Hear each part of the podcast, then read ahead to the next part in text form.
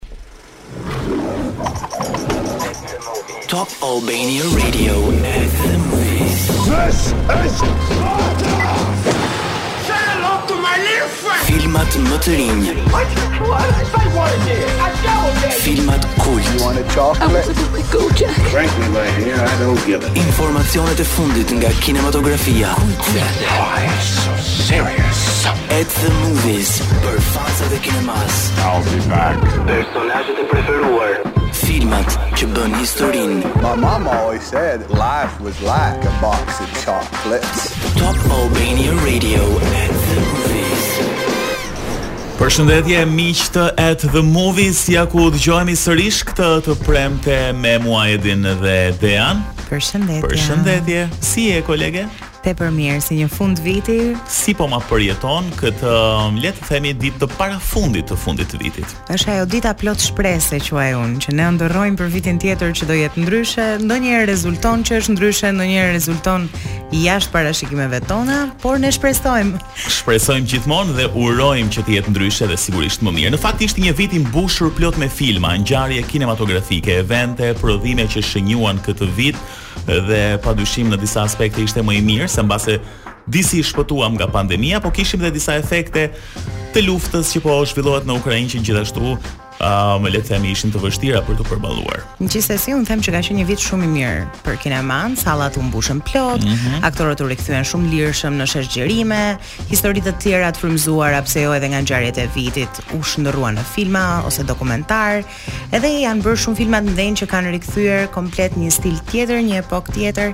Kemi shumë shumë gjëra për t'ju folur sot. Sigurisht jemi në fund të vitit edhe nuk shpëtojmë dot as ne pa bërë një rezyme për ngjarjet që shënuan kinematografinë këtë vit. Gjithsesi, folëm mjaft për tani sepse do të kemi shumë për të thënë ashtu siç e the dhe ti dhe nisim pak programin me një këngë shumë energjike që vjen nga një premierë që e kemi pas pak në Cineplexx. Nuk mungojnë as sot premierat në Cineplexx, kemi dy të tilla, dy filma shumë interesantë të zhanreve krejt të ndryshëm. E nisim pak me Shotgun Wedding, është një film i zhanrit romancë, aksion, komedi që duket se nga zhanri sjell pak nga të gjitha, ndjekim fillimisht trailerin. Someone just left that in the bathroom. Çfarë do të bënit nëse dita juaj e dasmës do të kthehej në luftë për mbijetesë? You invited your ex? A do t'i shpëtojë çifti Jennifer Lopez Josh Duhamel kriminelëve që i kanë marrë peng? Are you dead? We're gonna fix this. Nga krijuesi i Pitch Perfect. That dress is growing on me. Wanted something less traditional. Shotgun Wedding. Nobody with my family. Në Cineplexx TEG dhe QTU. Siç e dëgjuat dhe nga traileri, shohim një rikthim të Jennifer Lopez në kinematografi. Ajo ka luajtur në shumë shumë filma që janë ikonikë, por po ta shikoni trailerin ju siguroj që do vraponi për në Cineplexx. Filmi flet për një dasmë ekstravagante dhe luksoze të një çifti e cila prishet nga kriminelët. Në procesin e shpëtimit të familjeve të tyre, ata rizbulojnë pse ranë në dashuri me njëri-tjetrin Dhe është pak si një Mr and Mrs Smith modern ky film, do të mhm. themi, mm -hmm. por nuk luftojnë vetëm çifti, shohim edhe familjarët që kapin armët dhe mundohen të shpëtojnë njëri-tjetrin. Më kujtove një skenë në dasmat shqiptare ku daja zakonisht është gjithmonë i pakënaqur ose me ushqimin ose se nuk kërcen dot aq sa duhet në valle. Nuk është, nuk është i pakënaqur me diçka, është i pakënaqur në përgjithësi, por e shfaq te dasma jote. Ajo është dita ku vendos. Mbase mund të jetë kjo dhe shpesh herë ka ndodhur histori bazuar në një ngjarje të vërtetë që dasma është kthyer në një betejë më pas mes dajve dhe xhaxhallarëve etj etj ka ndodhur edhe këtu në Shqipëri. Nuk ka dasëm shqiptar pa ato. Ky fenomen i dajës është i jashtëzakonshëm. Gjashtë pikë tetë nga dhjetë, një vlerësim goxha i lartë duhet thënë. Jennifer Lopez në fakt ia del gjithmonë që të sjelli filma shumë të mirë, interesantë, jo shumë të ngarkuar, po që të bëjnë shumë të qeshësh edhe ta shijosh atë filmin deri në fund, aq më tepër tani që është edhe një periudhë festash. Edhe me këtë shkonin shumë edhe me këtë Josh Duhamel, gjithashtu një aktor shumë i njohur, luan edhe Lenny Kravitz këtu edhe një kast të tjerë aktorë shumë të njohur. Ok, Shotgun Wedding njëra prej tyre, tani jemi tek Bed Rest. Këtu në qoftë se te filmi i parë do qeshim, këtu është ai momenti që shtrëngojmë ato karriget në Cineplexx. Kjo do jetë premiera e dytë, trailerin e të cilit e ndjekim tani. It is the beginning of a new era. Julie Rivers është rekomanduar që shtatzëninë ta kalojë në regjim shtrati. I want you on bed rest for the duration of your pregnancy. Por çfarë do të bëjë kur të mësojë se shtëpia e saj është e pushtuar nga shpirtra? Nga krijuesit e Scream dhe Suspiria. Try to relax. Bed Rest. And so you rest. Në Cineplexx TEG dhe QTU. Mirë, filmi Bed Rest flet për një grua e cila kishte shumë vite që po mundohej të ngelej shtatzënë, në momentin që ajo është shtatzënë dhe është shumë e lumtur, doktori i thotë që duhet të rrijë në regjim shtrati dhe mos të dalë nga shtëpia. Por këto 9 muajt e pritjes nuk janë aq të ëmbla për protagonisten, pasi ajo do zbulojë se ka shpirtra në shpinë e saj, por në fund filmit nuk do kuptohet a ka vërtet fuqi të mbinatyrshme apo është e gjitha në kokën e saj? Mm, është gjithmonë kjo pikëpyetja që na mundon të gjithëve në këto lloj rastesh. Mund t'ju duket pak e çuditshme të shikoni një film horror dhe të frikshëm, duke qenë se tani është periudhë festash dhe të gjithë jemi ndoshta pak më të lumtur se sa periudhat e tjera të vitit, po është shumë interesant mbase të shkëputemi nga kjo atmosfera e festave, e dritave, e ngjyrave dhe të futemi në një botë pak më të errët të filmave horror. Kështu që Bed Rest mund të jetë një zgjedhje e duhur për të putur pak orë nga realiteti dhe më pas këtu jemi ne sërish duke shkëlqyer dhe mund të riktheheni sërish për ta përjetuar këtë atmosferën e festave. Mirë, shkojmë tani në një tjetër kolonë zanore dhe rikthehemi pas pak për ngjarjet që kanë shënjuar kinematografinë për vitin 2022. Rikthehemi në At the Movies, jeni me mua Dean dhe me Edin dhe tani do flasim për ngjarjet që shënuan këtë vit në kinematografinë. Dhe kur them ngjarjet, nuk mund të lë pa përmendur gjyqin e Johnny Depp dhe Amber Heard. E vërteta është që ky gjyq na ka mbajtur të gjithëve të ngjitur mbas televizorit. Një shoqja ime madje bën çdo punë të shtëpisë duke dëgjuar zhvillimet më të fundit në gjyqin e Johnny Depp dhe Amber Heard, gjë që unë vazhdoj nuk e kuptoj, por asaj është si white noise për atë. Në fakt, dyshja ishte, po themi, edhe më e kërkuara në Google për vitin 2022. Emri i Johnny Depp dhe Amber Heard duket se uh, gjyqi i tyre uh, po themi ndikoi kudo, edhe njerëzit që s'kishin lidhje fare me kinematografinë filluan të interesoheshin se çfarë po ndodh mes të dyve dhe në fakt, edhe pse ai përfundoi me fitoren e Johnny Depp, vazhdon e vazhdon të tirret situata sepse duket se uh, janë rikthyer edhe një herë kësaj gjëje, por se si do të vazhdojë mbetet për tu parë.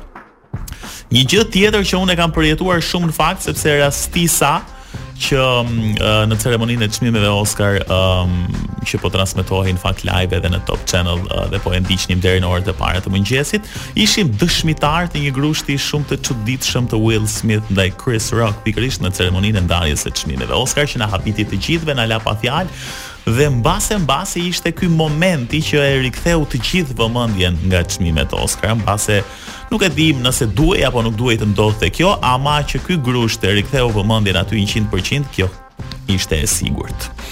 Megjithatë, e dëmtoi shumë Will Smithin se vazhdon ende të përballet me pasojat e atij grushti.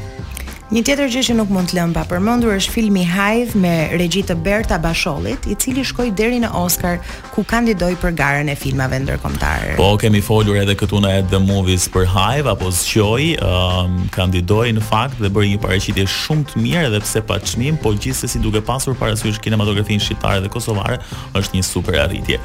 Ndërkohë viti 2022 shënoi, po themi edhe m, mm, disa humbje të aktorëve shumë të njohur uh, shqiptar, siç ishte aktori Enea Zheku, të cilin ne e njohim si Tomka në filmin Tomka dhe shokët e tij, apo aktorët Enver Hyseni, Kristaq Dhamo, po ashtu më 2 shkurt u shua Anastas Kristofori i Pallatit 176, apo regjisorja Atalanta Pasko. E gjithë bota faktikisht ka vajtuar kur mësoi se yje si Kirstie Alley, të cilën brezi im e dashuron nga filmi Dëgjo kush flet, ose Olivia Newton-John, sensacioni i musicalit Grease, kishin ndruar jetë.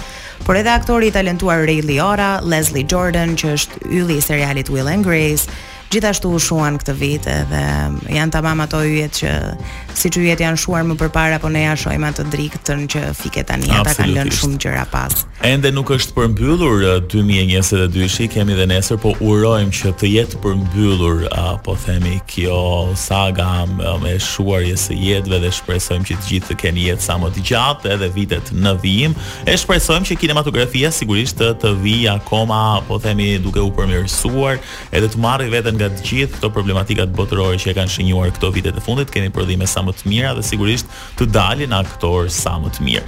Këto ishin ngjarjet që shënjuan këtë vit, por ne do të ndalemi pas pak edhe tek filmat më të mirë të këtij viti. Jemi rikthyer në The Movies me mua Dean dhe Edin. Në këtë pjesë të dytë do flasim për filmat më të vlerësuar dhe më të shikuar të 2022-shit. Ky vit ishte viti i parë pas pandemisë kur pamë sërish kinematë e mbushura me njerëz, ndjemë erën e kokoshkave të ngrohta, edhe qamë edhe qeshëm së bashku nëpër kinema ashtu siç duhen shijuar vërtet filmat. Ky vit filloi fuqishëm me filmin Scream në janar, i cili erdhi si sequel i Scream-it të parë, i cili doli në 97-ën.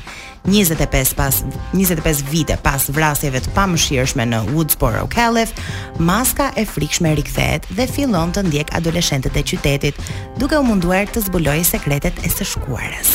Nuk ishte vetëm Scream, një film ikon i cili u rikthye i transformuar në dy mijë e njëzet e dyshin, The Batman gjithashtu bashkoi fansat e superheronjve kudo pasi këtë radhë njeriu lakuriq jo vetëm demaskoi vrasësin e figurave të larta politike në Gotham City, por zbuloi edhe sekrete familjare të cilat nuk i kishim ditur më parë.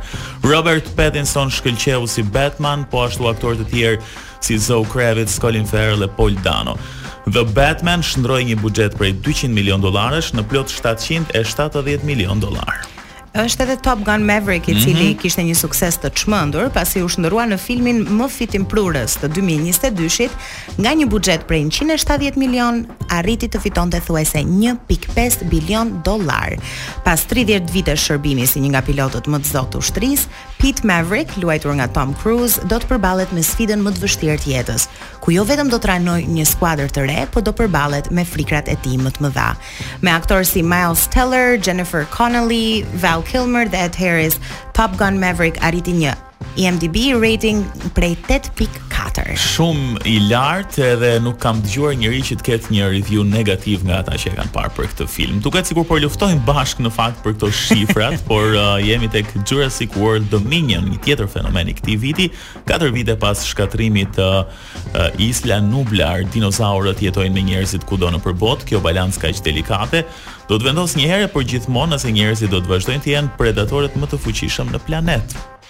Këtu ndryshon situata. Tashmë jemi, po themi një lloj si një kafshë shtëpiake, mund të mbajmë një dinosaur, por ata nuk janë kaq të mirë sa kafshët shtëpiake.